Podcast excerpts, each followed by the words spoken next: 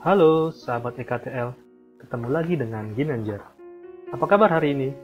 Semoga dalam keadaan sehat ya.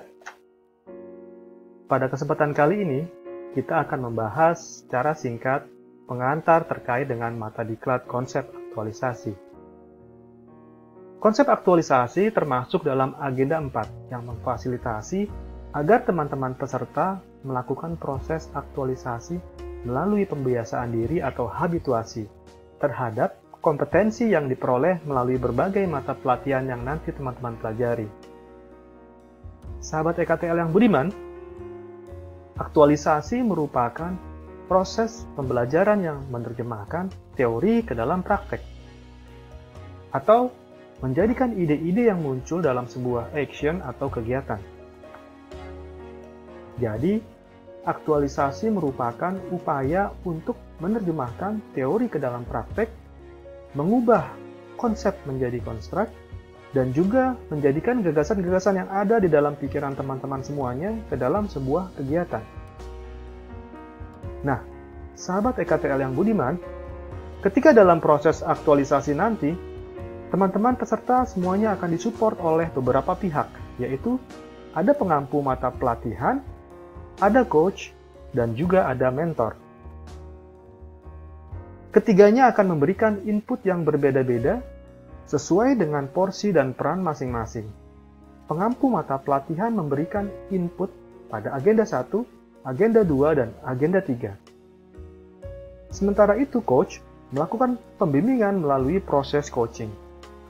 Selanjutnya, mentor juga akan memberikan bimbingan melalui proses mentoring. Ketiga input tersebut akan memberikan bekal kepada teman-teman semuanya untuk melakukan pembelajaran aktualisasi, yaitu merancang aktualisasi, melaksanakan aktualisasi, dan melaporkan hasil aktualisasi. Sahabat EKTL yang budiman, pada kesempatan kali ini, saya akan memberikan beberapa hal yang mendasar terkait dengan konsep aktualisasi. Kemampuan-kemampuan apa saja yang memang perlu teman-teman persiapkan untuk memahami bagaimana konsep aktualisasi ini dalam diklat lasar ini. Ada empat kemampuan yang perlu diasah sebagai bekal dalam aktualisasi. Apa saja itu? Yuk, kita bahas. Yang pertama adalah kemampuan melakukan scanning atau kemampuan melakukan identifikasi dan kepedulian terhadap masalah dalam organisasi dan mampu memetakan hubungan kausalitasnya. Yang kedua adalah kemampuan problem solving, yaitu kemampuan mengembangkan, memilih alternatif, dan mampu memetakan aktor terkait dan perannya masing-masing dalam mengaktualisasikan nilai-nilai yang telah dan yang nanti akan teman-teman pelajari. Kemudian yang ketiga adalah kemampuan berpikir analisis, yaitu mampu berpikir konseptual mengkaitkan dengan substansi mata pelatihan. Selain itu, mampu mengidentifikasi implikasi atau dampak dan manfaat dari sebuah kegiatan atau tahapan kegiatan. Yang keempat, yang tidak kalah pentingnya adalah kemampuan sebagai pembelajar yang tangkas, yaitu mampu beradaptasi, open mind, pantang menyerah, tidak ragu mencoba hal-hal baru, dalam mengaktualisasikan nilai-nilai dasar ASN yang telah dan nanti akan teman-teman semua pelajari.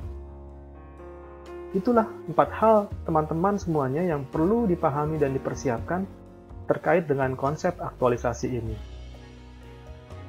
Akhirnya, pelajari modul yang telah ada dengan seksama dan teliti ya. Selamat belajar dan selamat berproses. Semoga materi ini dapat bermanfaat.